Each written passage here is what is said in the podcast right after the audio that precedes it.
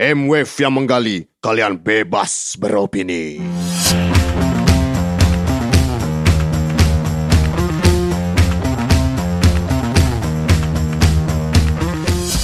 Hai, kembali lagi bersama gua Raja Humuntar di M-Wave episode 3 Sebuah podcast yang akan membicarakan isu-isu seputar uh, musik, sosial, dan uh, isu-isu lainnya yang menurut kami penting Dan pada hari ini kita akan membicarakan sebuah isu yang sangat kita suka dan sangat kita cintai Yaitu tentang musik rock Dan secara khusus kita akan membahas tentang regenerasi musik rock di Indonesia pada hari ini gue tidak sendiri, gue bersama dengan uh, salah satu tokoh musik uh, rock di Indonesia. Tidak lain tidak bukan Ricky Siaan. Yeay. Terima kasih Raja. Selamat datang Rick di M-Wave. Senang berada di sini. Terima kasih udah mengundang gua. Iya pastinya.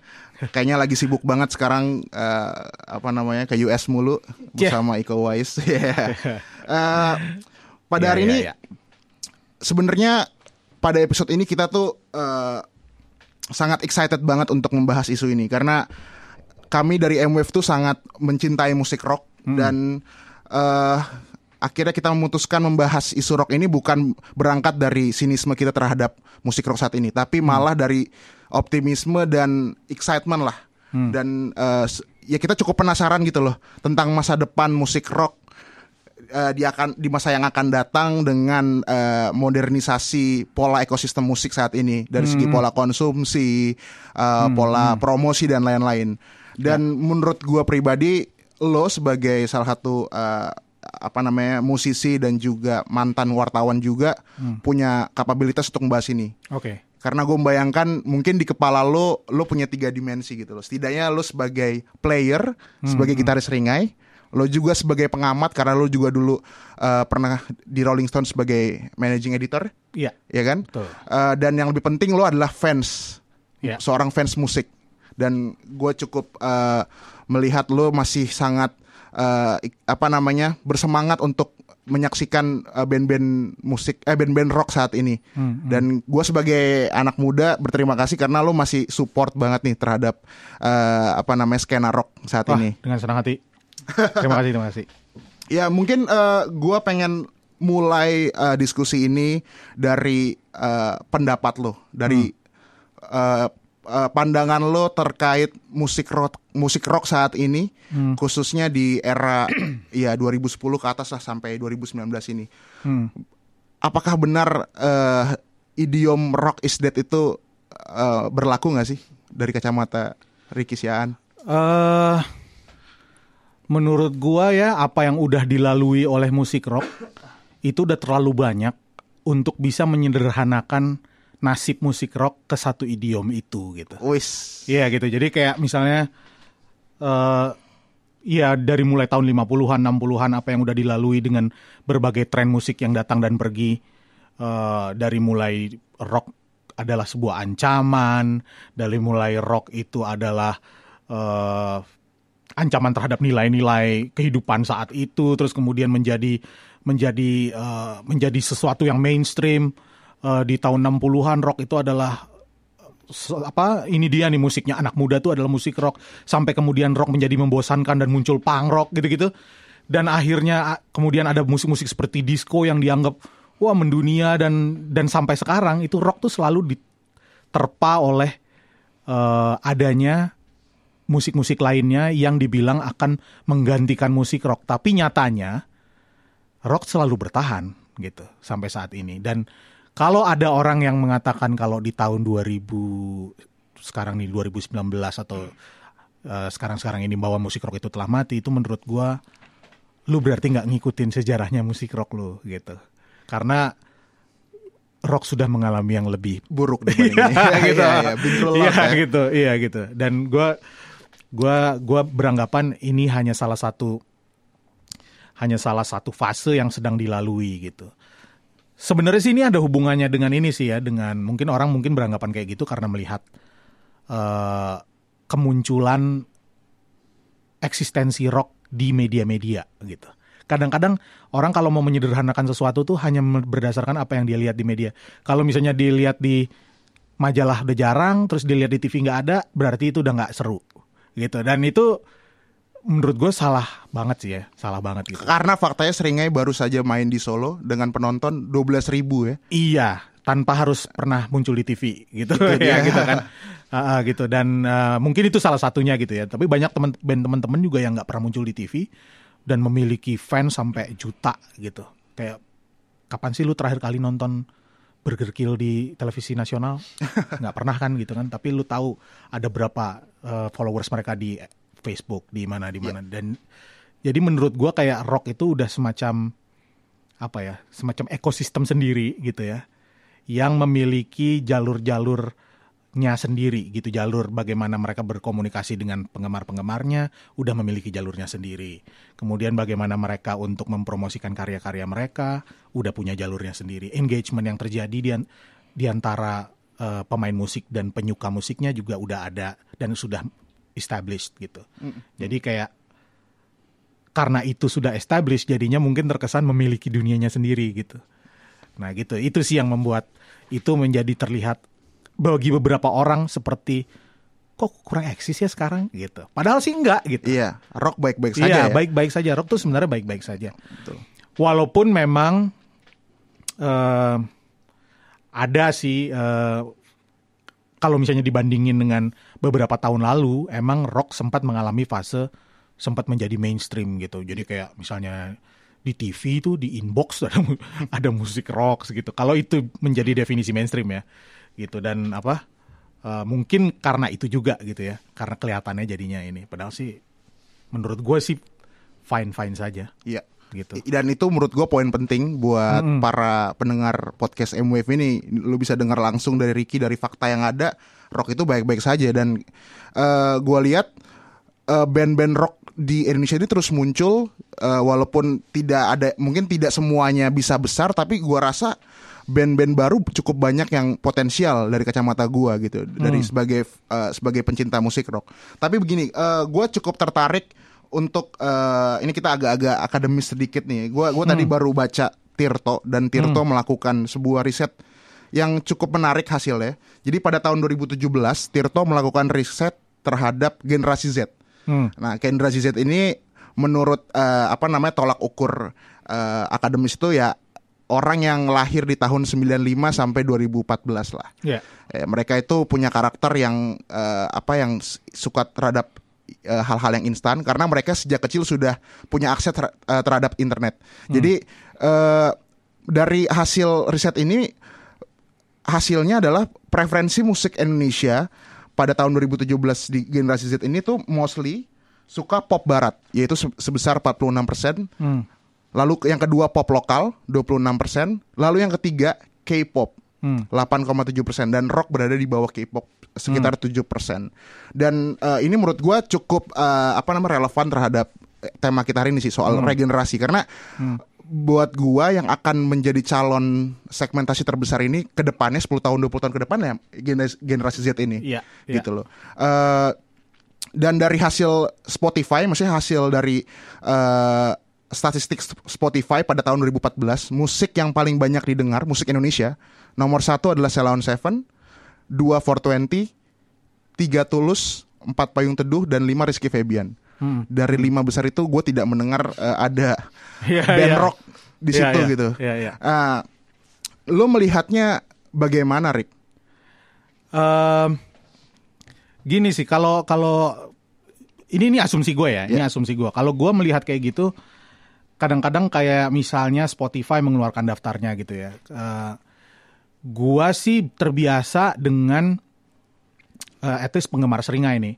Itu tuh adalah tipe-tipe orang yang mendengar Spotify, tapi juga mereka memiliki album fisik eh, seringai gitu. Jadi kalau band rock itu terbiasa dengan culture merchandise gitu ya. Eh, merchandise dan karya fisik gitu. Jadi ketika band rock itu merilis sesuatu, mereka beli CD-nya, kemudian mereka beli kaosnya karena pengen mereka pengen menunjukkan kalau gue fans band ini, gue suka musik ini loh gitu kayak gitu. Sementara kalau di Spotify itu juga asumsi gue adalah banyak orang-orang yang menyukai lagu gitu. Lagu. Sementara rock apakah peduli dengan single pertama single kedua? Apakah Fiskral per- peduli dengan dengan dengan single pertama mereka? Ini gitu. Enggak kan gitu.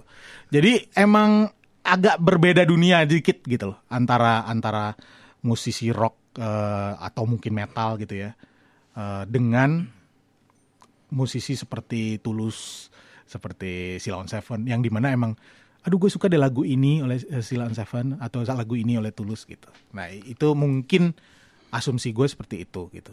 Tapi memang eh gue bisa bisa memahami juga kalau memang eh udah agak turun gitu ya. Ini pengamatan gue juga gitu karena gue punya banyak saudara-saudara yang masih masuk ke dalam generasi Z ini gitu. Kayak keponakan gue kayak apa gitu. Dan gue selalu ngobrol sama mereka. Lu tuh sekarang kalau mengkonsumsi tuh eh, kayak gimana sih kalau mengkonsumsi musik gitu. Dan dan rata-rata mereka bilang anak-anak sekarang itu tidak suka diatur gitu. Jadi ketika gua mau mendengarkan musik, gua apa yang menurut mood gua aja, gua bisa mendengarkan anak-anak generasi Z ini gitu ya, Eh, bisa mendengarkan band seperti Dead Squad, tapi kemudian 10-15 menit kemudian nonton YouTube JKT48 gitu. Nah jadi kayak tidak ada satu haluan baku yang mengharuskan mereka lu jenisnya apa sih? Anak apa sih lu? Gitu tuh nggak ada gitu. Saat ini ya dulu ada banget gitu Iya. kayak gitu Sekat-sekat. Iya, gitu ya. sekat-sekat itu gitu. Ma- makanya menurut gue mungkin itu menjadi salah satu eh, penyebab kenapa eh, rock mungkin tidak terlalu jadinya untuk suku rock tuh kayaknya semakin sedikit. Yang bener-bener true terhadap eh, ini musik gua, ini gua anak metal, gua anak rock mungkin ya, Iya. gitu. Dan atau mungkin ada banyak juga dari mereka, tapi memang bukan mendengarkan musiknya lewat situ mendengarkan musiknya lewat eh, fisik, album fisik yang mereka beli dari distro. Wah, misalnya kayak gitu gitu. Tapi sebenarnya itu kan data 2014 ya. 2017 yang Tirto.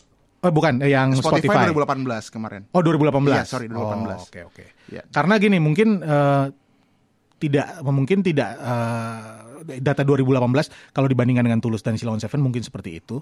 Tapi anehnya kalau di kubu Seringai malah gitu ya. Hmm. Kayak kita kemarin merilis album seperti Api misalnya gitu. Em, apa namanya? Kita rilis secara fisik eh, cukup laku albumnya secara fisik.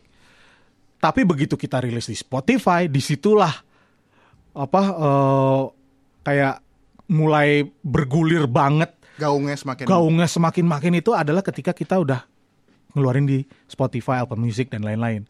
Nah dari sisi seseringai gitu ya statistik dari kami justru menunjukkan kalau memang generasi yang penggemar rock pun juga banyak yang mendengarkan Spotify gitu. Hmm. Jadi jadi mereka eh, banyak juga yang nunggu nunggu dulu deh di Spotify kayak gitu. Jadi kayak apa ya? eh, mungkin itu bukan bukan representasi keseluruhan gitu ya, tapi di dunia rock sendiri digital apa segala macam tetap tetap eh, membantu untuk sebuah band lebih cepat di didengarkan lagu-lagunya gitu. Tapi kalau memang dibandingkan dengan Tulus dan apa segala macam memang Tentulah ya. tentu emang beda gitu, Iya, beda. Betul. beda dan dan itu juga itu juga sebenarnya berhubungan dengan ini sih gue kayak gue sama Arya sama anak-anak tuh selalu ditanya gitu kenapa sih lu eh misalnya lu kenapa lu bekerja juga selain main musik gitu itu gue selalu bilang sama Aryan tuh ada lagi nih kalau nama band lo bukan Noah atau bukan Silaun Seven gitu ya lu mau menyekolahkan anak lu di sekolah yang decent yang bagus dan layak hanya dari main musik metal itu agak susah. Gitu. Iya. itu contoh kasarnya aja gitu. Jadi gua harus begini. Nah mungkin itu sebenarnya agak self explanatory Excuse. gitu. Excuse ya. Iya gitu agak-agak gitu gitu. Jadi maksudnya ya memang dunia pop dunia rock yang lebih kayak seringai ini memang tidak seperti Silon Seven tidak seperti Tulus memang mereka itu lebih eh, apa ya lebih mudah dicerna Cerna. Iya. gitu oleh ini gitu dan dari dulu juga gitu kok Iya. gitu dari dulu Tapi gue bersyukur sih dari eh, tadi soal pengalaman pribadi seringai ke- ketika masuk ke apa namanya ke digital. Setidaknya eh, apa namanya gue juga sebagai pecinta musik rock tuh gue sangat percaya tentang romantisme fans dengan musisinya itu. Jadi kayak apresiasi si fans terhadap eh, musisi itu memang benar-benar bisa optimal gitu. Dan dan menurut gue itu yang harus kita banggakan sebagai yang berada di bangsa rock ini bahwa kita tuh eh, apa namanya kultur kita mengapresiasi sebuah karya tuh cukup baik ya mungkin dibandingkan dengan genre lain gitu loh. Jadi Ya. eh, gue dan apalagi ketika sering yang masukkan ke platform digital terakumulasi lagi gitu loh semakin besar gitu loh Ya, ya. dan gua rasa itu pelajaran penting juga buat eh, apa namanya eh, ya kita lah pelaku pelaku musik rock ke depan awareness ya terhadap terhadap eh, pola konsumsi eh, masyarakat saat ini Hmm. Oke, dan karena tadi juga lo udah ngomongin eh, pengalaman sedikit soal Hmm. seringai gitu loh. Ya mungkin gue pengen tahu aja sih, Rick dari pengalaman lo pribadi. Lo, lo waktu ketika lo menciptakan seringai lalu lo berjalan eh, sampai tahun tahun 2011 lo eh tahun 2019 ini lo pernah nggak sih merasa stuck sebagai sebuah musisi? Kalau dari sisi karya gitu. Ya dari si karya dan sisi ya dari karir lo lah sebagai Iya, iya. seringai gitu. Sebenarnya sih eh pernah ya, tapi untungnya tuh Seringai itu adalah band yang lumayan sering manggung. Jadi ternyata manggung itu manggung itu membuat selalu mengingatkan lo walaupun ber- berapa kali pun lo manggung selama ini gitu. Manggung tuh selalu mengingatkan lo kenapa lo berada di situ gitu. Manggung tuh baru oh ini, ini kenapa gue suka metal tuh karena ini gitu. Kenapa gue suka musik ini, suku ini tuh karena karena energi ini, karena engagement ini. Jadinya stuck juga nggak terlalu stuck gitu karena karena terbantu itu. Cuman kalau dari sisi Quo Vadis gitu misalnya gitu ya gitu. Apa habis ini apa lagi ya gitu. Habis itu itu ada pasti. Nggak ada musisi yang nggak writer's block misalnya gitu ya. Gitu. Tapi kita berusaha ini sih, kita berusaha kita berusaha untuk eh, nggak terlalu berlarut-larut memikirkan itu gitu. Lebih kita lebih mikirin anjir hidup terlalu sebentar untuk eh, memikirin eh, aduh gue stuck nih, gue bingung eh, menjadi seniman yang yang sangat eh, aduh nggak gue nggak mau merilis dulu karya gue karena ini tidak sempurna. Nggak gue nggak mau kayak gitu. Jadi kita produktif aja yuk kita bikin lagu apa segala macam coba bikin ini seneng dibawa seneng aja gitu. Dibawa seneng dan untungnya hal ini mem- hal yang seperti itu membuat gue tidak tidak stuck. Dan kalau stuck nggak lama-lama amat lah stucknya gitu. Iya, iya. dan banyakin banyakin eh, diskusi sama teman-teman band nah di si Seringai itu untungnya enaknya adalah si Seringai ini adalah salah satu band yang menurut gue dari awal sampai sekarang tuh nggak pernah ganti personil. Kita jarang baru sekali. Itu juga di awal karir waktu basis eh, kita keluar gitu si Toan. Jadinya kayak masing-masing orang tuh kayak udah mas, udah bener-bener udah menyatu banget lah udah tau lah satu sama lain.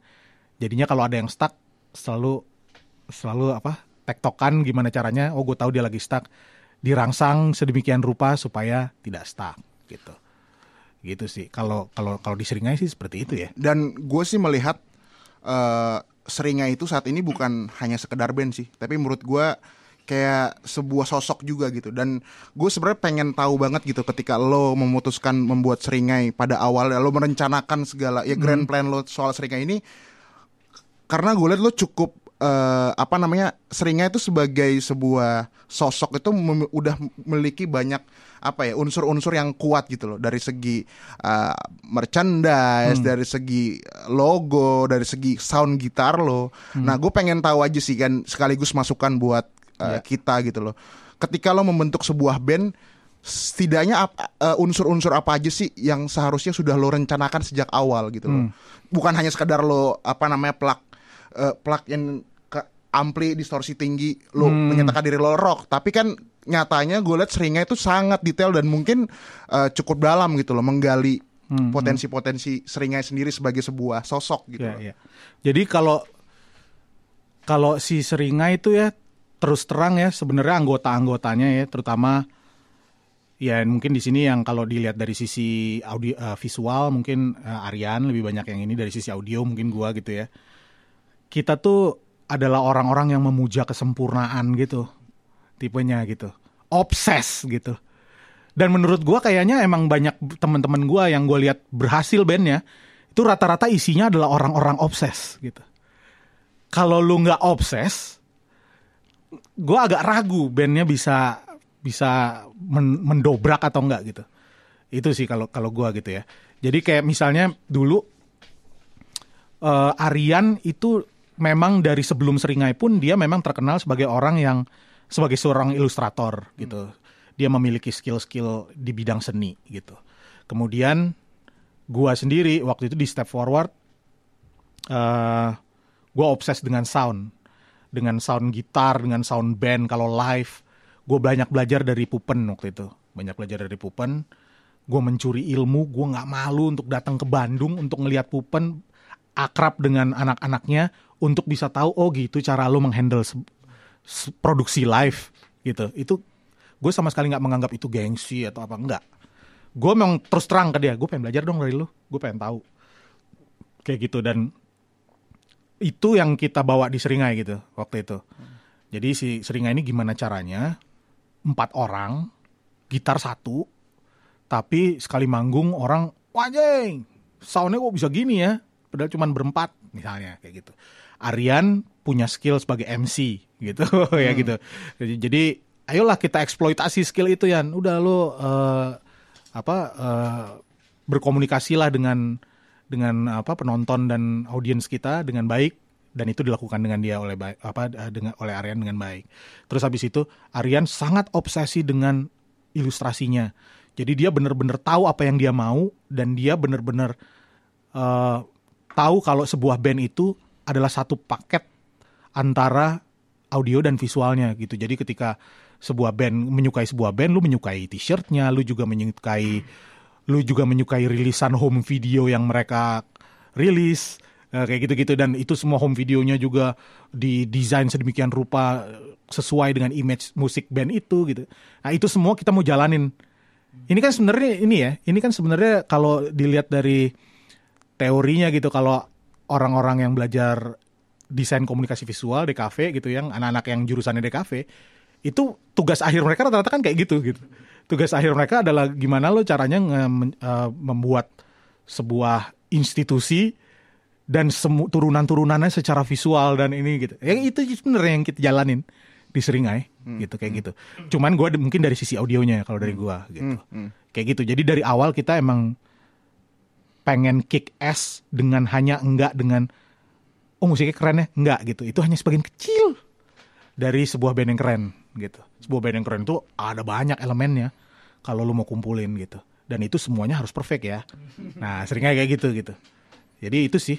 Jadi pada intinya distorsi itu hanya sebagian kecil eh, dari unsur rock sebuah Iya, iya. band ya. Heeh. Dan yang menjadi menarik juga eh, observasi gue ya selain seringai mungkin ada SID, ada event slang. Ya. eh di balik musik mereka, mereka juga selalu apa namanya mengakumulasikannya dengan attitude yang Ya. dibawa as a person. Hmm. Tidak hanya sebagai gitaris ringnya, tapi di, bahkan di luar panggung, di balik layar, mereka rata-rata ya menurut gue punya eh, attitude yang kuat gitu Hmm. loh. Misalnya ya mungkin eh, sebagai misalnya da- dari seringai misalnya Aryan gitu loh dia punya anthem alkohol dia sering kali misalnya di Instagram ngepost ketika dia sedang hangout sama teman-temannya Hmm, minum-minum dan dia sangat senang melakukan itu nah lu melihat soal fenomena attitude dan musik rock Hmm.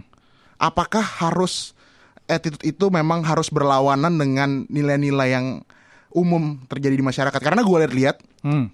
rocker-rocker tuh pasti selalu punya unsur selengean lah, Iya, quote iya. and quote gitu loh. Nah, lo melihat melihatnya bagaimana? eh kalau kita lihat dari dari dari tradisinya suku rock, iya, gitu ya, bahwa eh apa namanya penggemar musik rock itu ingin melihat idola mereka bukan sebagai manusia biasa, tapi sebagai seorang kalau bisa alien men gitu. Ibaratnya ini apa sih? Ini orang biasa? Bukan sih dia bukan orang biasa gitu. Dan banyak rocker-rocker yang zaman dulu yang merasa kalau ya gua harus jadi apa yang mereka ekspektasikan gua itu gitu. Gua harus tidak bisa tidak biasa gitu. Tapi menurut gua gitu ya menurut gua itu memang benar gitu. Tapi menurut gua yang lebih penting dari itu adalah jadi diri sendirinya dulu. Jadi bukan menjadi seseorang yang pretentious gitu Karena ketika lu menjadi seseorang pretentious, gue berani jamin energi lu nggak akan ada untuk lu bisa konsisten dengan pretensi lu. gitu. jadi jadi menurut gue kenapa seringai juga akhirnya orang uh, mungkin suka gitu ya dengan seringai apa? Karena kita konsisten dengan dengan attitude kita gitu dan kenapa kita konsisten dengan attitude kita karena kita tidak berpretensi di situ gitu jadi kalau memang Aryan suka alkohol atau dia suka party ya memang gitu orangnya gitu dari dulu gitu otong koil uh, suka aneh-aneh gitu apa karena emang otaknya suka aneh-aneh mikirnya Jering memang mungkin begitu orangnya. Dia su menyukai apa yang dia lakukan itu bukan bukan menjadi orang lain gitu. Nah, intinya gitu sih. Dan terus terang yang kayak gitu-gitu adalah entertainment gitu. Buat sebagian orang. Buat kita it's everyday life. Mm. Ini ini hari Rabu buat kita gitu. gitu. Tapi buat orang-orang wow, ini sangat melawan nilai-nilai or whatever gitu kan. Gitu. Dan entertainment itu jadi salah satu alasan kenapa orang menyukai musik rock gitu. Itu udah pasti gitu dan dan menurut gue kalau misalnya ada band sebuah band baru misalnya terus berpikir harus seperti apa gue beretitude gitu ya yeah. Itu sah sah aja. Sah sah aja. Asal memang masih uh, masih natural lah masih alami gitu buat dia. Walaupun dia ah gue mau attitude-nya kayak gini ah band gue termasuk gue secara personal seperti apa itu nggak apa-apa tapi asal masih alami aja. Nggak lu menjadi orang lain yang sebenarnya tiga tahun kemudian lo menyesal kenapa gue gitu dulu ya? Kenapa gue kayak gitu? gitu. Nah itu yang menurut gue kegagalan banyak orang adalah ketika dia capek berpura-pura ya, ya, ya, gitu ya, ya, ya, ya, ya. ya itu gitu. menurut gue masukan yang sangat ini yeah. sih bagus dan juga ya mungkin kritik juga terhadap uh, rocker-rocker apa saat ini gitu ya maksud gue karena tadi Ricky sendiri yang bilang bahwa yang paling penting yaitu being yourself gitu kan dan uh, satu lagi selain attitude, gue juga melihat sebuah musik rock itu bisa mungkin flourish ya, istilahnya gimana ya, bisa menjadi uh, besar itu ketika dia punya nilai-nilai perlawanan. Gue melihat hmm, gitu, hmm, nilai hmm. perlawanan itu bisa terhadap keadaan sosial, bisa terhadap keadaan politik, hmm. hmm. keadaan ekonomi apa pun itu. Nah, gue sebagai uh, maksudnya penggemar rock dan juga gue suka apa main musik rock juga, gue ngelihat apakah betul uh, pandangan bahwa saat ini musik rock itu less relevan di jam, dibandingkan pada tahun 90 80 karena keadaan sosial kita itu sekarang bisa dibilang lebih stabil lah di, dibanding hmm. di zaman Orba misalnya ketika kebebasan itu dikekang begitu rupa hmm. dan sekarang sekarang kita udah masuk ke dunia demokrasi dunia yang lebih bebas gitu hmm. hmm. sehingga musik rock itu jadi sedikit kurang relevan.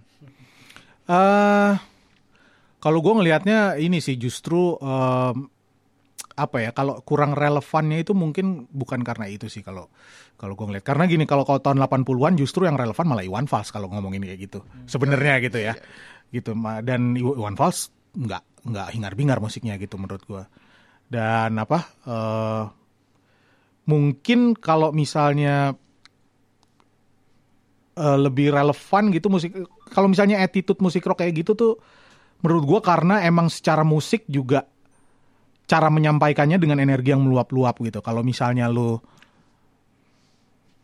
menyampaikan sesuatu yang tidak juga meluap-luap temanya gitu, hmm. itu menjadi sesuatu yang agak kurang ini aja, kayak kurang kurang sejalan lah gitu. Gimana sih? Gimana sih kayak salah satunya kenapa musik rock itu atau musik metal misalnya katakanlah vokalnya teriak-teriak itu kan karena dia lagi bereks, mengekspresikan kemarahan gitu sebenarnya gitu jadi kalau misalnya dia nggak uh, kondisi apakah kondisi saat ini tidak relevan untuk membuat orang teriak-teriak lagi misalnya gitu menurut gue sih enggak ya menurut gue sih enggak karena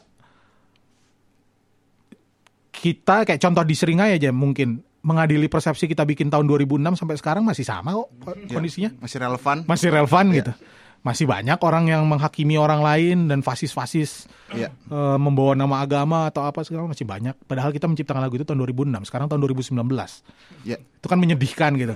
Ya itu menurut gue udah cukup udah cukup indikasi kalau misalnya ada orang punya band baru sekarang marah-marah mengenai hal itu, ya memang relevan. Lu marah-marah. Kayak gitu kalau gue ya. Yeah. Kalau menurut gue. Jadi menurut gue sih itu sama sekali nggak ini relevansi amarah itu akan selalu ada di kondisi sosial seperti apa pun kurang kurang eh mapan apa sih negara-negara Skandinavia Ya, kurang mapan apa sih UK atau USA dibandingin Indonesia. Iya. Justru Indonesia punya every reason untuk marah gitu. dibandingin dengan dibandingin negara-negara itu gitu.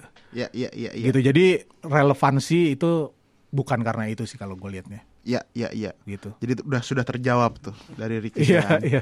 Dan tadi gue menarik karena lo juga sempat ngomongin soal mengadili persepsi. Ya. Gue melihat salah satu indikator sebuah band rock besar itu dia memiliki sebuah anthem. Mm-mm. Anthem yang sa- yang bisa eh, apa namanya relate sama keadaan sosial atau keadaan sebuah masyarakat di ruang dan waktu. Bahkan mengadili persepsi sampai 2019 masih relevan gitu. Hmm. Nah, lo melihat eh, strategi membuat sebuah eh, apa namanya sebuah anthem yang monumental. Ketika Seringai membuat mengadili persepsi, apakah Seringai membayangkan mengadili persepsi ini akan menjadi sebuah lagu yang monumental dan yang dinyanyikan jadi latar belakang perlawanan beberapa orang misalnya atau sekedar ya itu mengalir aja karena memang apa yang gua rasakan apa yang gua lihat pada zaman itu ya seperti itu Kalau waktu sebenarnya dua-duanya sih. Jadi kayak itu awalnya ngalir dulu.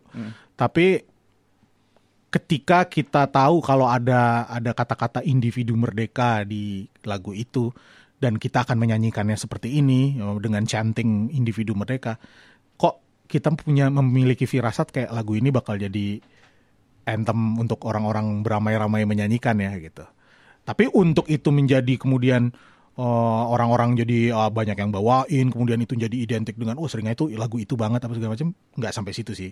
Kita mikirnya itu bener-bener itu benar-benar eh, jurnal kita terhadap apa yang terjadi ke hari itu ketika membuat lagu itu gitu. Jadi ini mungkin bawaannya Aryan dan gue sebagai jurnalis gitu ya. Jadi kita berusaha untuk mem- me- merekam apa yang terjadi di sekeliling gitu. Tapi nggak sama sekali nggak nggak me- apa memprediksi kalau lagu ini bakal jadi anthemnya Seringai gitu nggak sih. Gitu. Eh, Oke, s- setelah kita ngomongin mungkin eh, secara teknis bagaimana eh, membentuk sebuah band rock berdasarkan pengalaman Seringai, gue mungkin akan masuk ke lebih ke sebu- ke isu yang mungkin lebih strategis dalam hal ini mengatur eh, manajemen keuangan dan sebuah band. Apalagi rock. Tadi lo sendiri lo bilang lo sering ditanya gitu loh, kenapa sih lo harus kerja misalnya di, Iya, di samping lo main Seringai gitu gue pengen denger sih pengalaman lo bersama Seringai ba- atau mungkin pengalaman teman-teman lo yang lain memanage sebuah band menjadi sebuah band yang setidaknya bisa menghidupi lah. Kita nggak usah ngomongin uh, kemewahan gitu loh. Tapi menghidupi personil setidaknya sampai punya anak dua, anak sampai kuliah bisa selesai lah dari cuma sekedar Iya iya. ngeband rock. Ya, itu ini sih itu itu perjalanan yang sangat panjang ya. Kalau dibilang apakah gua sekarang sudah mapan secara finansial dari Seringai, itu juga sebenarnya belum bisa dibilang udah yakin gua. Sebenarnya enggak juga ya, tergantung standar hidup lu kan kadang-kadang iya. kayak gitu gitu. Tapi eh tapi dari awal itu Seringai itu fokusnya memang bukan berapa banyak uang yang bisa kita hasilkan sebenarnya dari band ini. Itu sebenarnya bonus bonus itu, itu efek samping gitu. Dari dulu tuh sebenarnya adalah gimana caranya kita meng-manage band ini sedemikian rupa menja- menjadi sebuah mesin yang optimal gitu. Nah, itu ya itu dulu yang harus di yang harus di apa? pikirkan dan dijalankan gitu. Jadi eh, dari mulai yang tadi yang masalah paling mendasar itu kan masalah audio dan visualnya Eh, kemudian menjadi paket yang seperti apakah band lo gitu terus kemudian setelah itu oke bagaimana kita memasarkan band ini gitu ya Eh, untuk disukai atau untuk bisa sampai ke potensial listener kita gitu ini nih poten eh, market yang potensial gitu ini kalau ngomongin bisnis ya sebenarnya nggak sampai segini-gini amat sih. Cuman sekarang setelah gue menganalisa, gue jadi bisa bisa bisa paham itu gitu. Dan em, akhirnya gue ngelihatnya, oh ternyata eh, beda zaman itu beda pendekatan gitu. Jadi kayak misalnya di tahun 2004 sampai tahun 2013 2011 gitu ya. Itu marketing tuh masih standar menurut gua untuk sebuah band. Jadi kayak misalnya eh lu eh, merilis karya, lu bikin video klip, kemudian video klipnya lu jalan ke media-media, lu wawancara di majalah, lu wawancara di ini oh terus sering di waktu itu apa eh, eh, kaosnya dipakai oleh eh, siapa gitu tokoh misalnya atau model cewek siapa gitu. Terus ma- masuk ke majalah apa. Terus kita bikin eh, apa namanya eh, bandana seringai yang tengkorak. Kemudian dipinjem sama majalah fashion apa. Terus dipakai oleh modelnya. Terus akhirnya wih kerennya seringai karena ininya dipakai. Ma- maksudnya masih kayak gitu-gitu gitu. Eh, masih masuk media-media yang tradisional gitu Terus kemudian lewat 2012, 2013 berbeda lagi. Ternyata bukan itu gitu. Ternyata sekarang itu untuk mencapai engagement yang maksimal itu adalah memang secara personil setiap orang harus melakukan engagementnya masing-masing ke eh, audiensnya gitu. Makanya gue kadang-kadang suka posting di Instagram, di apa, gue berkomunikasi di situ, captionnya gue banyakin, apa berkomunikasi si Aryan juga seperti itu dengan kehidupannya, Semi juga, kan kita sekarang memasuki zaman di mana orang kepo ya terhadap hidup lo gitu. Ya ini suka nggak suka tapi ya saat ini seperti itu gitu. Jadi eh, kebetulan Seringai ini cukup engaged gitu, seorang personil personilnya maupun bandnya di ranah sosial media. Mungkin dulu ranahnya tradisional media, sekarang ranahnya media sosial gitu. Nah, itu juga gitu yang mungkin membuat eh, Seringai mungkin masih orang masih masih melihat eksistensi Seringai. Kita bikin vlog-vlog kita Iya. cukup ini gitu, cukup ditonton banyak orang. Banyak orang yang ketemu, eh gue tahu lu dari vlog lo. Mungkin gue nggak pernah nanya apakah dia beneran suka dengan musik Seringai atau tidak gitu. Tapi engagementnya terjadi gitu dan eh, Semi dengan dunianya, dengan motor-motornya, Aryan dengan dunianya, eh, Duck Down Bar dan lain-lain dan ilustrasi-ilustrasinya, gua dengan dunia gua, Kemot dengan dunia iklannya apa segala macam itu semuanya tersampaikan di media sosial kita masing-masing dan itu eh, apa ya berhasil lah menarik perhatian banyak orang gitu. Dan menurut gue itu juga gitu. Dan apa eh, kalau masalah uang gitu ya, masalah uang itu sebenarnya masih tradisional sih kita ngelihatnya. Bagaimana caranya kita bisa memiliki engagement yang nantinya nantinya berujung kepada tawaran manggung gitu. Orang pengen lihat kita langsung, pengen nonton apa dan setiap mau manggung itu seringnya itu sekarang ya tadi berdasarkan obsession yang tadi gue sebutin kita tuh sekarang cukup ini sih apa eh, cukup serius me, me- inikan eh, live show kita. Jadi kayak misalnya bukan hanya sound, Lightning. sound harus bagus, tapi lighting juga harus bagus. Lighting kita sekarang punya lighting designer yang selalu ikut kalau kita kita main.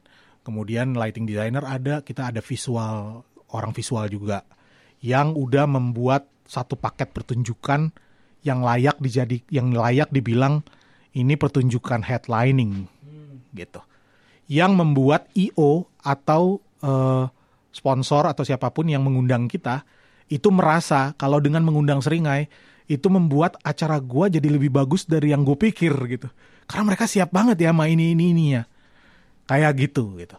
Jadi gue berusaha memberikan eh inilah apa? Lu bayar kita atau lu ini meng-hire sebuah band tuh lu lu merasa worth it-nya cuma sampai level berapa gue kasih lebih gitu kayak gitulah ibaratnya jadi mungkin dari situ ya asumsi gue at least itu alasan kenapa kita melakukan hal-hal yang tadi gitu. Jadi pertama obsesi terhadap kesempurnaan berangkat dari situ, lalu kedua ditambah dengan kesadaran dari pihak band, ini baik band personil sendiri maupun manajemennya terhadap eh, strategi ini ya, strategi marketing untuk mengoptimalkan segala apa yang band itu punya gitu. iya. Iya Itu menurut gua sangat menarik dan ya kadang yang menjadi paradoks sih buat gua mungkin ya mungkin se- seringnya yang band yang sudah cukup lama dan eh, apa namanya udah cukup ya cukup lama lah ya di di dunia rock Indonesia malah punya vlog duluan dibanding mungkin band-band baru sekarang itu kan yang kadang gua ngeliatnya menjadi paradoks jadi kayak itu yang mu- mungkin harus jadi pelajaran penting bagaimana kita bisa tetap relevan di segala zaman itu kan itu yang menjadi Iya. penting juga Eh, Oke, sekarang mungkin kita akan lebih eh, masuk ke musik rock saat ini. Hmm. eh, mungkin bisa berangkat dari eh, band-band yang muncul pasca 2010 lah katakan. Eh, gue melihatnya cukup banyak eh, band-band rock yang muncul saat ini, tapi eh, kalau mungkin gue bisa klasifikasi saat ini kalau Ivat eh, misalnya seringai, Burger Kill, slang mungkin berada di atas sana, mungkin yang di tengah-tengah sekarang menuju ke sana tuh gue lihat setidaknya ada katakanlah dua lah, mungkin Bara Suara dan kelompok penerbang roket. Hmm.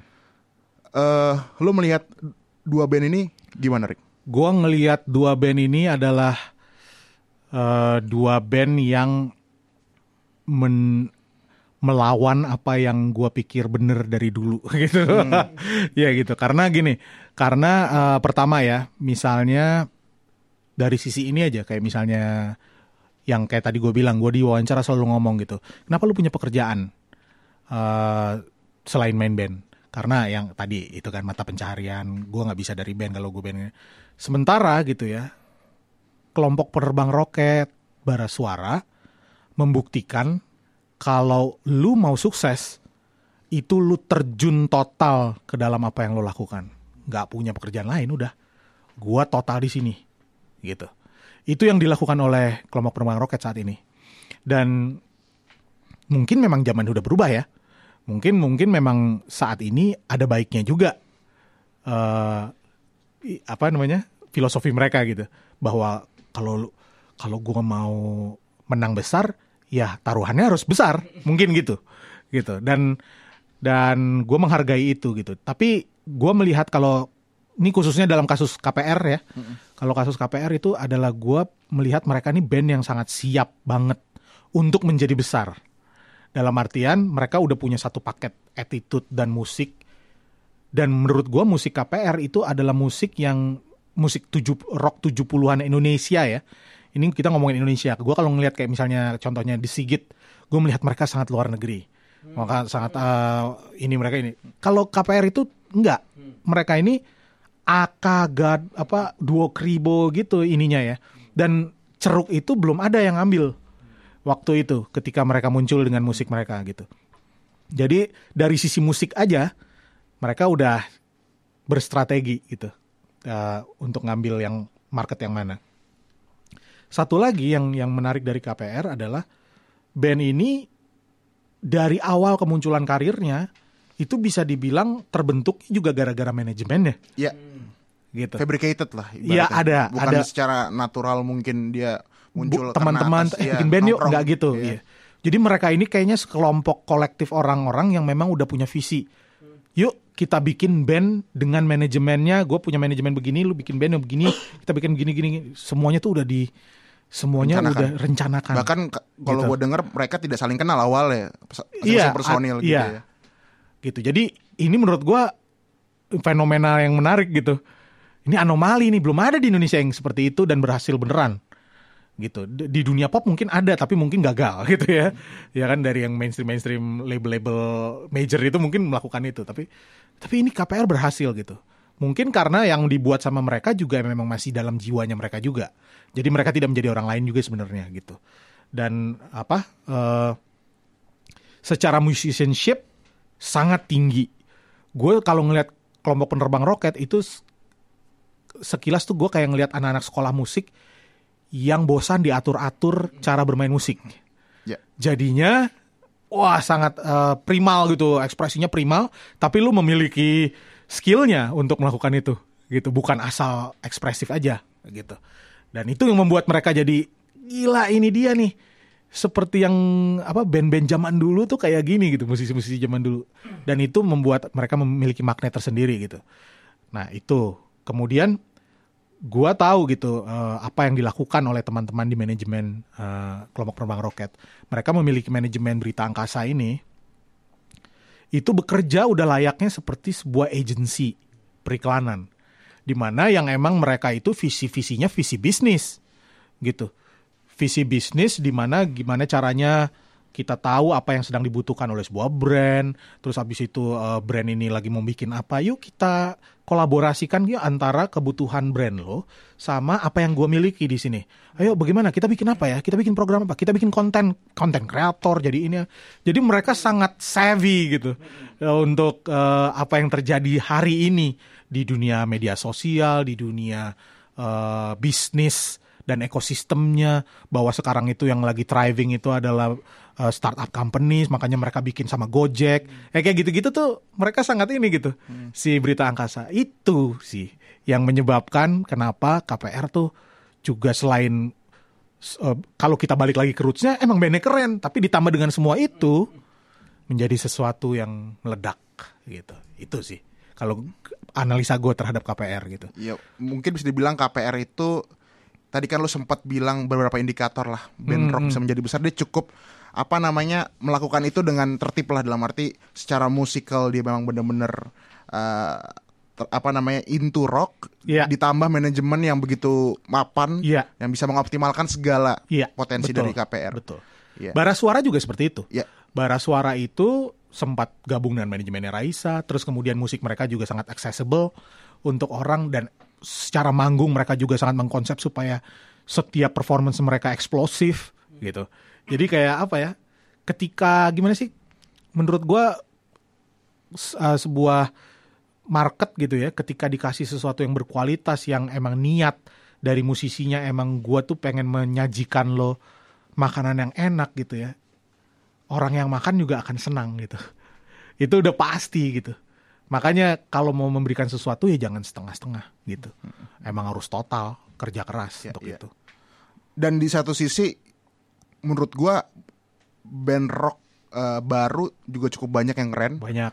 eh, let's say komunal misalnya. Hmm. eh, dan banyak yang lain.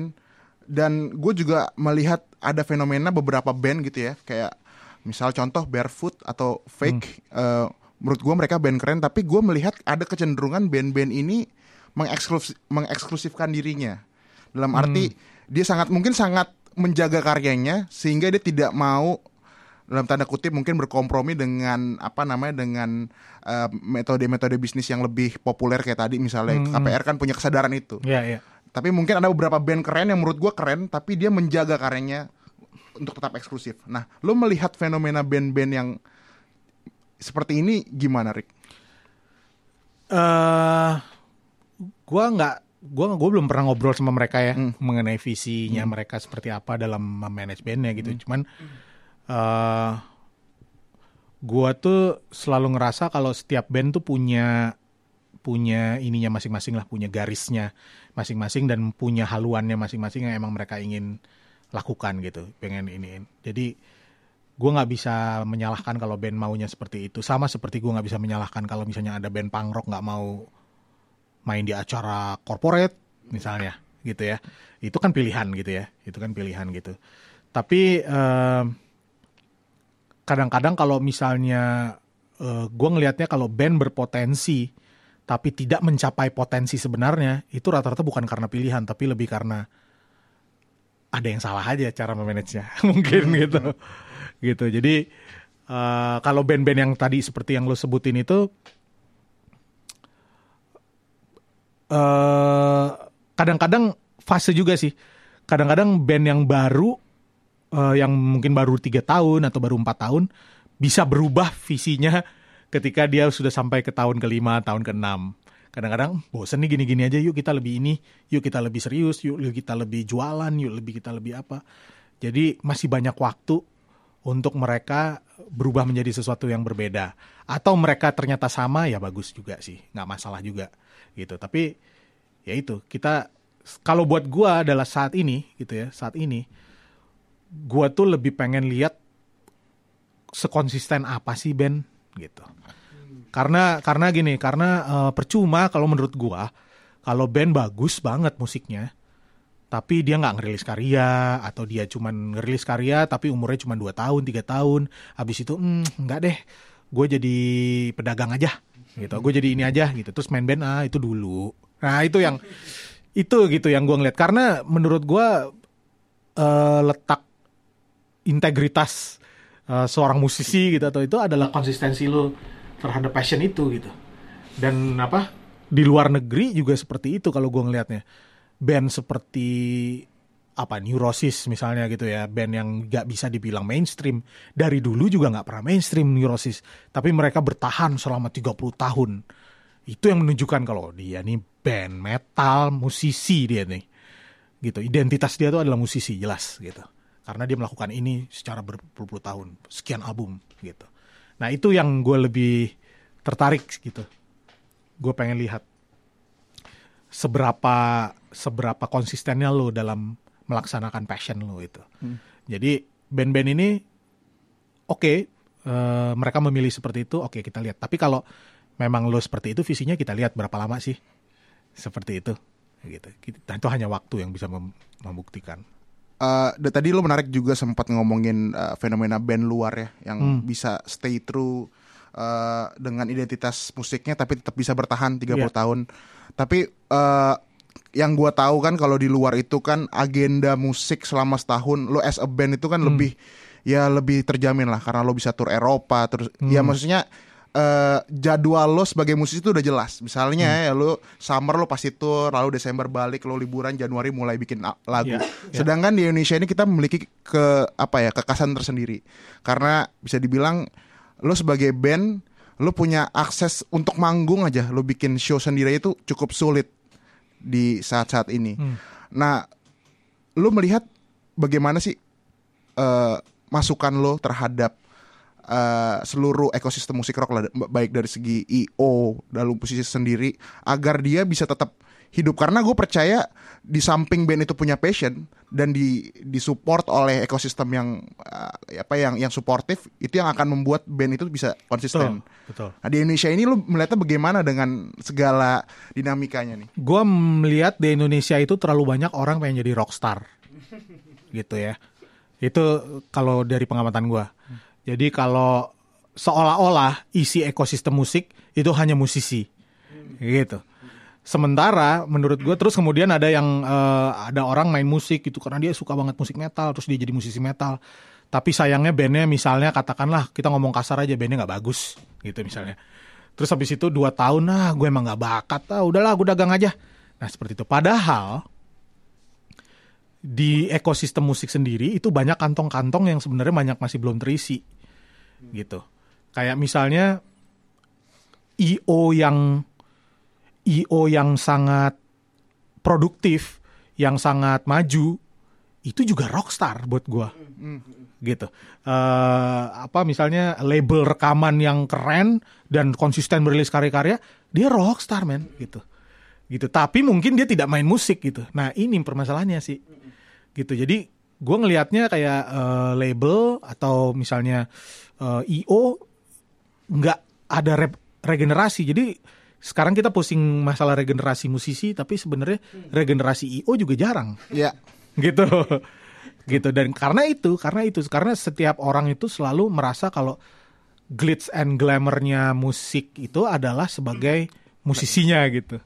Padahal belum tentu. Padahal kalau sebuah IO musik yang maju dan produktif, lu bisa hidup jangan-jangan lebih bisa hidup dibandingin musisinya sebenarnya.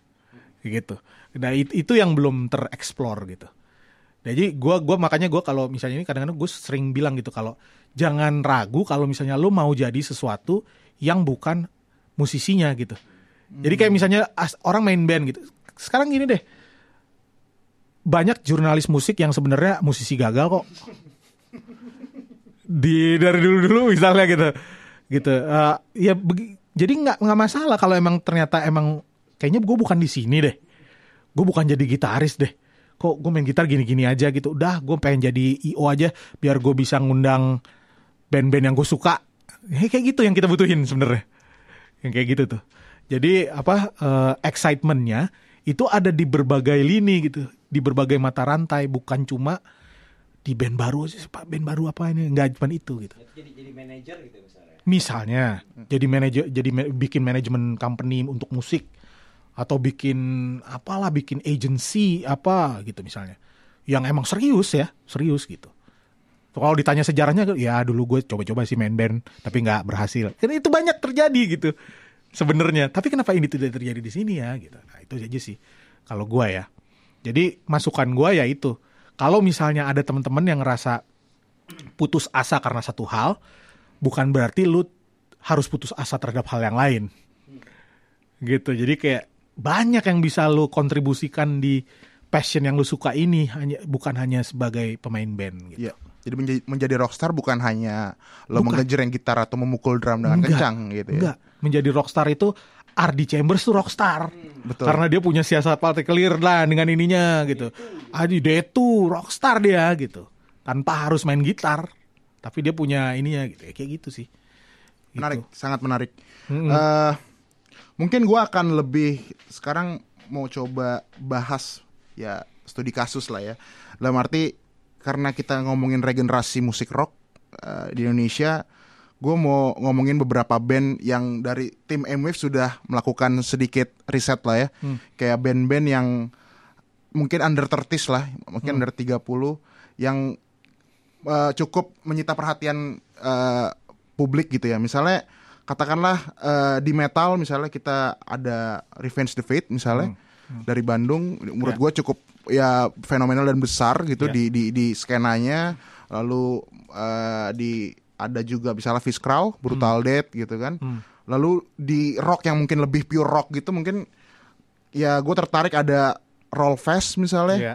ada Fish yang menurut gue cukup saat ini cukup Ya. besar gitu ya Piston eh, ada Mooner Hmm. yang yang yang udah juga beberapa kali main di luar negeri lalu di alternatif mungkin le- lebih banyak lagi band-band rock yang lagi naik ada Barefoot, Bad Chambers, Girl Gang, Polka Wars, Hmm. Hills gitu ya Eh, lu melihat band-band yang tadi gue sebutin tadi impresi lu gimana Rick? Apakah eh, lu masih optimis terhadap masa depan rock di, di Indonesia ke depan? Gue sih eh masih sih ya, gue sih gue sih berusaha untuk optimis terus juga gitu. Walaupun kadang-kadang sering ada pertanyaan ada nggak ya gitu, tapi gue selalu optimis gitu. Dan gue ngelihatnya kayak band-band ini, gue pernah lihat Fist manggung gitu, rame men, rame itu rame dan eh Fist umurnya berapa tahun sekarang ya sebagai band ya, gue gua nggak tahu, tapi mungkin 4-5 tahun gitu. Eh kalau gua tarik lagi kayak seringai dulu di umur 4-5 tahun, apakah kita segede Fist? Hmm, mungkin gitu. Mungkin iya kayaknya kita segede Fist dulu waktu di umur segitu gitu. Jadi eh, mungkin dalam waktu lima tahun lagi atau tiga tahun atau empat tahun lagi Fist bisa semakin besar dan semakin besar dan semakin besar dan akhirnya menjadi raksasa misalnya berikutnya. Atau begitu juga Pol- Polka Wars saat ini aja sering sering kok main bersama Polka Wars di pensi-pensi eh, apa kampus atau pensi-pensi SMA gitu misalnya. Dan itu kan membuktikan kalau Polka Wars benar-benar benar-benar ditanggapi bukan karena karena gue selalu ngerasa ya kayak misalnya pensi gitu ya. Oh ya ini satu lagi nih menurut gue. Pensi itu adalah representasi selera anak muda paling jujur Iya. gitu karena di pensi SMA atau kuliah itu sama sekali tidak ada kepentingan-kepentingan pemodal Betul. sponsor, label, tidak ada kepentingannya. Kepentingannya pensi itu adalah ini yang menurut kami jadi seleranya teman-teman kami dan kami. Jadi kami mau undang, gitu. Sesimpel itu. Jadi menurut gue ya kayak Polka Wars, Fish sering main pensi-pensi itu ya itu berarti mereka udah tidak ada yang bisa menyangkal kalau mereka tuh sekarang adalah band-band hari ini yang yang hits gitu, yang hits. Dan dan gue sih berharapnya ini fase untuk ke sesuatu yang lebih besar lagi gitu. Untuk sesuatu yang lebih besar lagi di 3 4 tahun ke depan gitu. Jangan sampai kita terbukti oleh teori-teori gembel yang bilang kalau band harus bubar setelah tiga album apa gitu ya gitu ya. Atau apa gitu yang kayak gitu-gitu. Menurut gua enggak sih gitu. Ini bisa bisa jadi ke arah sana. Kalau mereka konsisten dan terus kerja keras ya gitu. Karena memang tanpa kerja keras emang susah sih beneran. Gua gua udah gua udah memperhatikan gitu apa yang dilalui oleh teman-teman misalnya kayak misalnya Burger Kill gitu dan gue tahu betapa bekerja kerasnya seorang Eben di Burger Kill gitu yang emang bener-bener jauh lebih kerja keras dibandingin anak-anak band pada umumnya gitu terus kayak misalnya gue ngelihat ada fenomena fenomena fenomena kayak misalnya ada band seperti kayak misalnya Piston gitu. Piston sekarang nih lumayan ditanggapi, Piston sering main gitu. Piston itu juga nggak ongkang-ongkang kaki gitu. Piston itu Yulionta itu sangat kerja keras untuk untuk bandnya. Dia dia masuk ke sini, dia ikut Go Ahead Challenge ini, dia ini bener-bener Yulionta itu setiap langkahnya itu seolah-olah berkata kalau gua itu duta piston. gitu, iya nggak? Iya, betul, betul. Betul kan? Betul. Gitu. Nah, itu itu membawa pengaruh untuk bandnya. Gitu. Dan dan menurut gua kerja keras macam inilah yang bakal bikin band-band itu menjadi lebih lebih baik, lebih bagus, lebih besar lagi di di kemudian harinya gitu. Dan kalau band-band yang tadi kita sebut udah bisa keluar dari hanya sekedar emang punya taste yang keren, tapi juga mereka siap kerja kerasnya kayak gitu, Bukogi bisa banget mereka akan jadi besar dan mungkin lebih besar dari band-band yang yang yang sekarang ada gitu. Kalau menurut gua. Ya, menarik sih eh, mungkin kalau gue lebih spesifik ngomongin Fish dan Polka Wars, gue setuju banget mereka sekarang cukup aktif di dunia media sosial, Iya. di pensi, di mana-mana dan eh secara apa namanya secara manajemen gue lihat mereka sudah punya kesadaran tadi. Hmm. Eh, apa tadi soal resep-resep yang lo lo berikan tadi bagaimana mengoptimalkan mengutilize semua apa yang lo punya sebagai band. Tapi mungkin eh gue tadi sempat sebelum interview ini gue sempat ngobrol sama Deva karena gue post di Instagram gue mau eh, ngomong ini tapi eh, mereka ngerasa mereka juga punya kesadaran sih dalam arti eh tapi satu sisi kita nih sebagai band eh, juga butuh masukan secara kritikal. Dalam arti karena sekarang eh, popularitas Polka Wars itu masih dinilai dari segi komersial. Gue bisa tampil di TV aktif di media sosial gue di repost sama kencrotan misalnya. Tapi secara kritikal musik tadi Deva pun mengakui gue gua sangat eh, haus terhadap itu gitu loh Oh. jadi mungkin ngomongin purity rock as a apa namanya as a musik lah ya teknik musik nih. Nah lo melihatnya band-band yang baru sekarang ini nih katakanlah ya Polka Wars, Fish atau Piston yang cukup sering manggung, secara musik menurut lo bagaimana? Apa menurut lo kurang rock? Apakah dia sebenarnya masih masih rock kok? eh kalau itu mungkin susah ya dibilang kalau kurang rock atau apa gitu ya. Karena itu memang mungkin menurut mereka yang rock ya seperti itu gitu definisi mereka. Ya setiap setiap generasi kan memiliki Definisi. memiliki definisinya masing-masing dan memiliki apa ya beatnya masing-masing gitu. Mereka memiliki beat mereka masing-masing gitu dan menurut mereka mungkin rock tuh seperti itu gitu. Em, kalau menurut mereka, kalau menurut gua sih eh, kayak misalnya Feast gitu ya. Feast itu dia sangat anak sekarang dengan memasukkan berbagai genre, hip hop, kemudian rock dimasukin apa segala macam itu sangat terpresentasi anak muda sekarang yang kalau mengkonsumsi sesuatu gado-gado. Oh, dilihat YouTube bisa gado-gado, bisa bisa lihat video klip death metal, 10 menit kemudian lihat JKT48, 10 menit kemudian lihat cara masak apa gitu Iya, misalnya iya, iya, gitu. iya. Gitu. Jadi kayak apa itu kalau itu direpresentasikan dalam musik buat gue itu Fist. gitu gitu. Dan apa em, kayak piston gitu gue ngelihat mereka murni eh, murni itu hard work gitu ya hard work. Terus uh, polka wars em gue sih suka ya. Gue suka musiknya enak didengar. Terus gue suka karena dia nggak terlalu mengingatkan gue sama siapa siapa siapa secara spesifik langsung gitu itu mem- itu membuat mereka uh, uh, terasa seperti band yang memiliki banyak referensi. Bahwa mereka mendengarkan dari banyak musik terus mereka menggabungkan semua yang mereka suka menjadi sesuatu mengekspresikan itu dan akhirnya jadi tidak mirip terlalu mirip ini atau terlalu mirip ini gitu. Dan itu itu selalu hal yang baik buat gue Iya. karena eh, jadi nggak plagiat atau apa gitu. Itu eh, hal yang gue dapatkan dari Polka Wars gitu tapi kalau misalnya dari kalau gue harus harus mengkritisi gitu ya. Kalau misalnya gue harus mengkritisi apa ya? Em, ya mungkin ini sih mungkin em, mungkin live show gitu ya. Hit and miss. Bahwa bahwa bahwa di dalam live show gue selalu beranggapan gue selalu beranggapan. Tapi mungkin ini tidak terjadi pada Polka Wars atau anak-anak yang tadi ya. Cuman gue selalu beranggapan kalau zaman sekarang orang itu attention span-nya semakin pendek. Uh, attention span uh, semakin pendek berarti mereka cepat ilfeel dengan sesuatu gitu ya. Nah, jadi kalau band baru, ada band baru datang dan misalnya ada hype terhadap satu band gitu ya. Band ini keren banget, orang-orang bilang lewat sosial media, lewat mana band ini keren banget. Terus ketika mereka tampil, ketika mereka mengecewakan penontonnya gitu, mereka cuma punya satu lagi kesempatan untuk membuktikan kalau mereka sebenarnya bukan band yang jelek. Menurut gue ini teori gembel gue sih, gitu. Ketika lu satu lagi nonton masih jelek, that's it, gitu.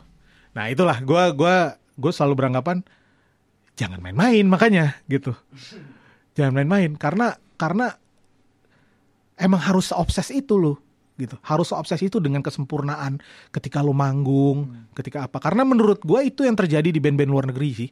Kenapa mereka bisa sangat bagus misalnya ada band bule lu lihat keren misalnya ada band dari Amerika keren band dari Inggris keren.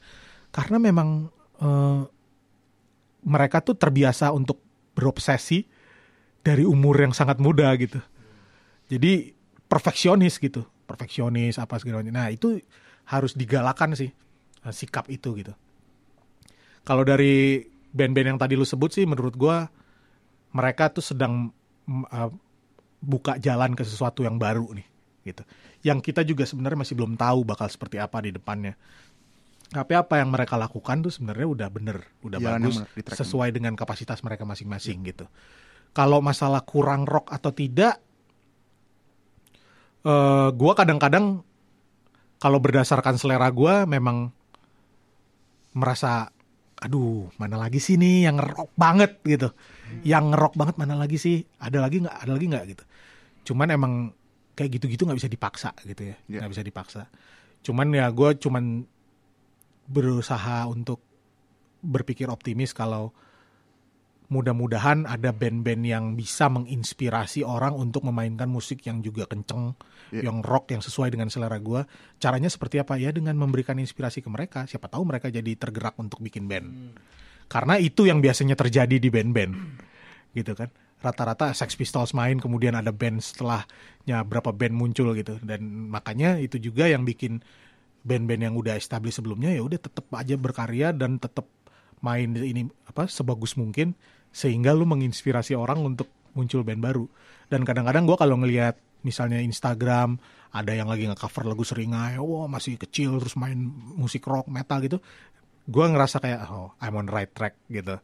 Oh ini ini mungkin dari sini mudah-mudahan nanti ada lagi atau orang suka bergerkil atau suka dead squad wah akhirnya gue bisa blast beat gitu atau apa misalnya gitu. Kan semua dimulai dari sesuatu gitu. Harus dari situ gitu. Iya, iya, iya. dan mudah-mudahan dari situ sih rock yang yang selera seperti gua bisa ada terus dan relevan terus dari ya inspirasi-inspirasi semacam itu sih. Gitu. Dan kembali lagi sih sebenarnya pertanyaan gue tadi tuh tidak bermaksud sinisme terhadap band tersebut, tapi malah sebenarnya gue uh, apa memberikan sebuah pandangan bahwa apa yang sudah dijalani seringai atau mungkin burger kill atau slang itu sudah 22 dekade setidaknya gitu loh. Iya. Dua tiga iya. dekade. Apa yang mereka lakukan mungkin belum sampai satu dekade dan mereka sudah berada di jalan yang yeah. cukup baik dan yeah. benar gitu. Jadi mm. sekaligus motivasi buat mereka karena gue juga sebagai pendengar musik yang eh, berada di uh, maksudnya di di generasi mereka ya gue melihat mereka ini ya cukup representatif lah gitu yeah. loh. Dan masih sebenarnya masih uh, fondasinya masih rock gitu loh. Hmm. Dan mungkin tadi doa doa gue juga sama gitu kita mu, bisa muncul seringan-seringan selanjutnya ya kan bisa muncul mungkin burger kill selanjutnya. Hmm. Itu sih harapan dari gue. Ya sama ini sih uh, sama gue juga berharap mungkin kalau mau lebih bagus juga ya uh, netizen gitu ya. gue gue mungkin salah ya berharap sama netizen gitu ya tapi tapi gitu ya tapi gue berharap tuh netizen tuh lebih lebih uh, punya kesadaran untuk memiliki bobot dalam mengkritisi. Hmm. Gitu. Itu penting loh. Maksudnya uh, ketika jadi gini, ketika band itu bagus, mereka support. Ketika band itu kok kenapa jadi begini ya dan dan kira-kira memiliki opini yang yang apa ya, yang menurut dia kredibel karena ada bobotnya, ya kasihlah kasihlah kritisi itu tapi dengan kritisi yang baik dan benar gitu. Karena lu bikin reviewnya, mungkin lu bikin apanya. Jadi ada dialektika juga nih antara bandnya sama eh, penggemarnya yang mungkin saat hari ini itu terjadi lewat eh, sosial media, Komentar, komen komentar. komentar gitu. Jangan sampah gitu, jangan sampah yang ah ini nih atau jangan bukan like and dislike tapi lebih ke gimana Yang caranya lebih konstruktif lah Iya, ya. lebih konstruktif. Lo lo kan sebagai teman gue kalau gue sih pengennya kayak gitu ya, kayak misalnya Deva gitu, gue kenal Deva apa gitu. Kalau misalnya saat ini sih gue belum ada yang nggak suka sama apa yang dia lakukan gitu. Tapi kalau misalnya ada, mungkin kalau dia tanya ke gue, gue akan jujur sama dia gitu. Eh, eh, kayaknya ini kurang gini, Dev, ini kurang gini. Tapi kalau bagus, gue support dia sebagai teman. Eh, band-band ini menurut gue perlu support kita, gitu perlu support kita. Tapi ketika mereka melakukan hal yang apa, nggak apa-apa kalau dikritisi, karena itu hal yang biasa juga, gitu. Dan ini ini yang perlu ter- terjaga juga gitu, lingkungan eh, memuji dan kritisi itu. Ya mungkin Deva ada poinnya, ada poinnya juga. Mungkin dia merasa orang belum jujur sama dia untuk mengkritisi Iya. musiknya, misalnya. Dan gitu itu ya. baik sih punya kesadaran itu. Baik, Sejak baik. dini gitu ya. Karena band yang mau maju, eh, yang bisa maju adalah band yang memiliki itu eh, attitude itu. Betul. Menurut gua. Orang yang nggak yang nggak mau dengar orang lain, pokoknya oh gua nggak kritisi itu nggak ada artinya buat gua. Itu bisa aja jalan terus, tapi nggak akan sebaik sama orang yang bisa menerima kritik. Gitu sih. Sangat menarik dan kita harap dari pembincangan ini bisa didengar nih sama teman-teman tersebut gitu karena ya harapan kita salah satunya ada di ya, pundak-pundak kalian juga gitu. Tapi nggak adil rasanya kalau kita cuma ngomongin band-band Jawa, Jakarta atau Jawa karena gue tahu eh, lo juga bersama Seringai sering manggung di berbagai kota di luar Jawa. Hmm. Di Makassar, Solo, Kediri, Batam lo pernah gak sih? Belum. Belum ya Batam gitu kan, Kalimantan. Iya, udah. Lu gimana melihat prospek eh, skena rock di kota-kota di luar Jawa, Rick? Kalau gue lihat sih di sana tuh eh, apa excitementnya ada, excitementnya ada. Terus kemudian eh, rasa ingin tahu besar, kemudian eh, passionnya juga gede sebenarnya. Yang nggak ada tuh infrastrukturnya di sana. Bukan nggak ada ya, kurang sememadai yang ada di Jawa gitu. Itu yang gue sayangkan gitu. Itu yang gue sayangkan. Eh, kayak misalnya band dari teman-teman dari Sulawesi, kalau mau rekaman harus datang ke Jawa, Ya. harus ke Bandung, harus ke Jakarta misalnya. Sama yang dari teman-teman dari Manado, waktu itu gue juga pernah ke Manado, terus ada yang begitu, aduh mau rekaman tapi di sini kurang bang, kurang bagus studionya gini-gini, akhirnya jadi susah gitu. Ya itu yang yang yang ini sih. Tapi kalau tapi ada beberapa band yang menurut gue yang yang nggak menjadikan itu menjadi hambatan. Jadi mereka tetap pergi ke Jawa kalau memang itu diperlukan, mereka rekaman, mereka pulang lagi ke Manado atau pulang lagi ke mana ke kotanya, terus merilis karyanya gitu. Dan dan ini gue ngelihatnya, nah memang energi sebesar itu yang memang harus dicurahkan kalau emang lu mau didengar, lu emang teriaknya harus keras itu gitu, ibaratnya lah. Dan apa? Gue ngelihatnya sih selama acara-acara di kota-kota ini masih ada kon- masih continue dan band-band rock bisa masuk ke dalam kota-kota ini baik itu dari acara-acara yang bersponsor besar maupun dari acara-acara yang DIY tour ataupun apa pun selama band berada di sana dan main itu selalu menjadi hal yang baik karena itu akan jadi inspirasi untuk Betul. orang sana eh, untuk yang belum kenal menjadi kenal, yang tadinya ragu-ragu pengen bikin band jadinya yakin, Ya. ya gitu loh. Jadi itu selalu positif lah hasilnya gitu. Jadi gue ngeliatnya sih mudah-mudahan sih, gue sih optimis ya. Gue optimis kalau misalnya teman-teman ini dan gini apa eh, karena da- adanya internet gitu, ya udah nggak ada batasan. Paling internetnya lebih lambat dikit misalnya di daerah mana Iya. dibanding di daerah mana gitu misalnya. Cuma eh nggak ada batasan lagi. Akses terhadap referensi sekarang Tidak udah ada. Dari teman-teman dari mana pun bisa suka sama band seobscure apa pun ya gitu. Jadi tinggal lu mau atau tidak aja menjalankannya. Gitu sih. Oke, eh, mungkin gua masuki ke topik terakhir nih, Rick. Eh, menurut gua juga cukup penting gitu karena berbicara regenerasi juga berbicara orang-orang yang sudah lama dalam karena gue cukup percaya pentingnya sebuah ya kaderisasi atau mungkin ya Ya. regenerasi itu gitu. Dan gue melihat dari generasi lo beberapa temen lo misalnya Aryan di Seringai membuat Lawless Records bagaimana dia terus eh, mempromosikan merilis band-band eh, metal hardcore yang Aryan suka. Lalu misalnya Eben gitu ya, dia setiap tahun setidaknya membawa satu band lokal ke Wacken. Itu menurut gue sebuah usaha yang luar biasa Iya. gitu ya. Dan gue gue cukup bangga gitu terhadap generasi-generasi yang lebih dulu gitu, Eh, karena masih punya perhatian gitu terhadap Hmm. eh, masa depan rock gitu loh. Hmm.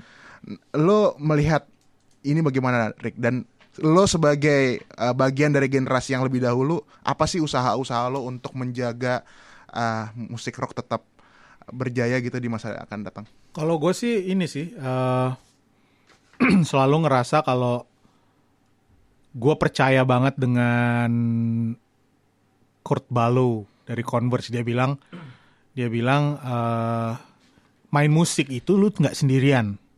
Main musik itu lu nggak sendirian dalam artian di scene gitu ya. Misalnya di scene musik gitu.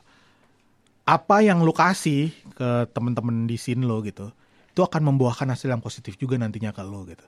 Jadi gue instead of senior membantu junior or whatever istilahnya gitu gue lebih seneng kalau emang di yang namanya scene musik ya lu emang harus saling Support. saling support gitu. Lu harus saling support karena lu gak sendirian di sini gitu. Lu ada teman-teman di sini, ada orang-orang dan lu mensupport mereka eh, untuk mereka apa yang bisa lu bantu, lu bantu kalau memang mereka butuh bantuan. Karena gua selalu merasa Arian, Eben gitu-gitu dan mungkin termasuk gua juga kayak gua mungkin sekarang mungkin apa yang gue bisa kasih adalah gue pengen mencoba memproduseri untuk pertama kalinya gue memproduseri band eh di luar band gue sendiri gitu. Ini Amerta nih band lo ja. Gua- iya makanya. Iya, itu adalah band pertama yang gue produseri selain Seringai gitu. Karena gue ngerasa gue mau coba ke situ gitu, ke jadi produser siapa tahu nanti abis Amerta ada band lagi, ada band lagi. Gue tadi tertarik PPH Teras mungkin kalau ada kalau mereka masih mau gitu ya. Nah mungkin itulah kontrib- kontribusi yang bisa gue kasih gitu ya. Dan gue akan ikut mempromosikan band-band ini gitu. Dan mungkin kenapa gue melakukan itu, Eben melakukan itu dengan dengan apa wakennya dan kenapa Aryan melakukan itu dengan labelnya adalah sebenarnya deep down inside kalau kita balik lagi ke awalnya banget di luar semua band-band dan siapa band lebih besar ini ini band besar ini band nanggung atau apa kita semua tuh penggemar musik gitu itu sih dan nature-nya penggemar musik itu adalah lu sering banget mempromosikan musik yang lu suka gitu Iya. gitu jadi jadi ini terjadi tuh bukan karena ada agenda Apa pun. apa pun, Secara natural. aja. iya gitu ini terjadi karena gue pengen teman-teman gue yang lain tahu kalau ada band keren eh ini lu tahu nggak ini ada band keren loh gitu sesimpel itu kok Iya. sebenarnya dan gue yakin nantinya pun ketika seringai udah nggak relevan lagi nanti 10 tahun lagi atau udah kita udah pensiun atau apa anak-anak yang berada di posisi seperti si seringai atau apa juga akan melakukan itu juga karena mereka pada dasarnya adalah penggemar musik. Itu sih. Ya tadi mungkin gue sedikit salah sih soal gen- eh, senior junior tapi lebih ke bagaimana lo gitu mungkin eh, memiliki akses yang lebih besar mungkin terhadap eh, Oh, iya, musik. iya, iya. lo bagaimana support lo terhadap itu dan gue sih harapan gue ya lebih banyak ya ya itulah apa kayak culture support each other tuh lebih Itu. lebih Itu sih benar. Maksudnya gue gitu juga ya. paham sih. Maksudnya gini apa? em, kayak eh, misalnya gue ngerasa misalnya gue punya followers di Instagram misalnya gitu Iya. kan. Eh, terus gue merasa gue ada teman eh, yang mungkin lagi struggling, lagi bekerja keras untuk mempromosikan bandnya. Kenapa nggak gue perkenalkan band ini ke followers-followers gue? Dan Aryan juga sebenarnya melakukan itu juga kayak karena itu. Dan gue sama Aryan tuh sering ngobrol gue sering ngobrol gue gue nanya gue ngobrol sama dia kenapa apa gimana ya nanti ya siapa ya band berikutnya gitu band berikutnya yang Burger Kill berikutnya siapa ya kira-kira makanya gue selalu eh ingin tuh kalau bisa ya mungkin kalau salah satu masukan juga sih itu adalah gimana caranya lu menjadi se eh gue tahu nggak bisa orisinil saat ini gue tahu itu gitu. Tapi coba aja gitu. Karena attitude menjadi original itu akan selalu membawa keuntungan buat lo dibandingin enggak gitu. Itu sih itu sih. Jadi eh, untuk sebuah band yang band yang lagi struggling tuh coba ber apa introspeksi lagi dalam soal itunya. Karena gue suka kasih suka apa ya jangan sampai band tuh kehabisan energi hanya karena mereka susah-susah bikin sesuatu tapi karena tidak orisinil misalnya dibilang menjadi misalnya lo band baru nih misalnya terus lo terinspire oleh oleh Seringai atau terlalu eh, terinspire oleh Burger Kill atau Dead Squad terus lo bikin band baru musiknya technical death metal bisa sih lo dikagumi orang banyak gitu ya tapi sampai kapan pun orang tuh akan selalu bilang kalau technical dikit death metalnya nanti Dead kayak Squad. Dead Squad. Terus kalau misalnya metalcore dikit, nah ini kayak Burger Kill. Karena emang nature orang sini kayak gitu gitu. selalu selalu ah ini mah kayak ini, ini mah kayak ini, gampang-gampangin ini gitu referensi gitu. Kan kasihan ya, lu udah capek-capek bikin musik gitu terus dengan mudahnya orang mengklasifikasi lu sat gitu. Kayak lu copycat gitu. Iya. Nah itu nggak enak perasaannya kayak gitu. Jadi memang dari awal sih sebisa mungkin kalau gua menurut gua bagaimana caranya lu bersenang-senang tapi berstrategi juga dalam menentukan gimana caranya biar gua uh, stand out, biar gua nggak kayak si ini, gua nggak dibilang ini kayak gitu sih. Itu penting buat gua. Karena ternyata seringai juga mungkin awalnya uh, bisa di stand out mungkin karena emang belum- nggak ada dulu yang kayak gitu. Burger Kill juga mungkin dari tahun 95 yang pertama kali main yang kayak mereka kayak gini ya emang mereka yang pioneernya gitu. Dead Squad dengan technical death metal yang serapi itu yang dengan ini mungkin baru mereka sebelumnya brutal death metal yang tren gitu. Ya. Misalnya jadi kayak mereka juga melakukan itu, berusaha untuk stand out gitu. Nah, ya, band kita, band lo mau stand out seperti apa secara musik, coba dipikirkan matang-matang gitu. itu sih kalau gua. regenerasi rock di Indonesia topik yang sangat menarik Eh, thank you Rick atas waktunya dan eh, resep-resepnya Sama-sama. berbagi pengalaman dan juga mungkin kritiknya juga terhadap eh, generasi-generasi yang akan datang dan yang gua tangkap eh, pembicaraan ini sangat-sangat eh, penuh dengan optimisme gua rasa sih dan yang pasti rock itu nggak pernah mati karena rock sudah menjalani keadaan yang lebih buruk Iya. dari saat ini. Betul. Dan uh, saat ini gue yakin uh, pasti uh, skena rock masih berjalan meski mungkin gaungnya tidak sebesar pada zamannya 80-an 90-an tapi gue yakin akan muncul band-band rock baru yang pastinya uh, menjadi uh, game changing lah Iya. buat, buat skena rock Indonesia. Dan mungkin sekedar gua merangkum hasil uh, diskusi kita hari ini bahwa belajar dari uh, seringai dan observasi Ricky terhadap teman-teman Hmm. musisi rock obsesi terhadap kesempurnaan adalah sebuah fondasi gitu Iya. ya yang utama untuk membentuk sebuah band dan selalu berangkat dari dari identitas Hmm. lo sendiri sebagai uh, orang gitu ya jadi diri sendiri nggak perlu uh, pretentious Hmm. berharap jadi siapa pun jadi diri sendiri dan yang paling penting adalah lo punya kesadaran untuk mengoptimalisasi Ya. segala potensi yang lo punya baik dari Ya. segi musikal dari Ya. segi manajemen Ya. promosi uh, merchandising semuanya dan uh, yang paling penting adalah konsistensi Iya. Betul. Eh, dan tadi ada satu juga poin yang lebih penting adalah eh, obsesi kita untuk menjadi rockstar masih sangat prematur. Gue lihat orang-orang kita lo menjadi rockstar adalah ketika lo menjadi eh, memegang gitar atau memukul drum dengan kencang di atas panggung yang besar, Hmm. tapi tidak. Iya. Banyak bukan orang hanya itu. bukan gitu. hanya itu. Iya, iya. Ya, ada Ardi Chambers dengan eh, siasat partikelirnya, Iya. ada ya dan lain-lain lah. Iya.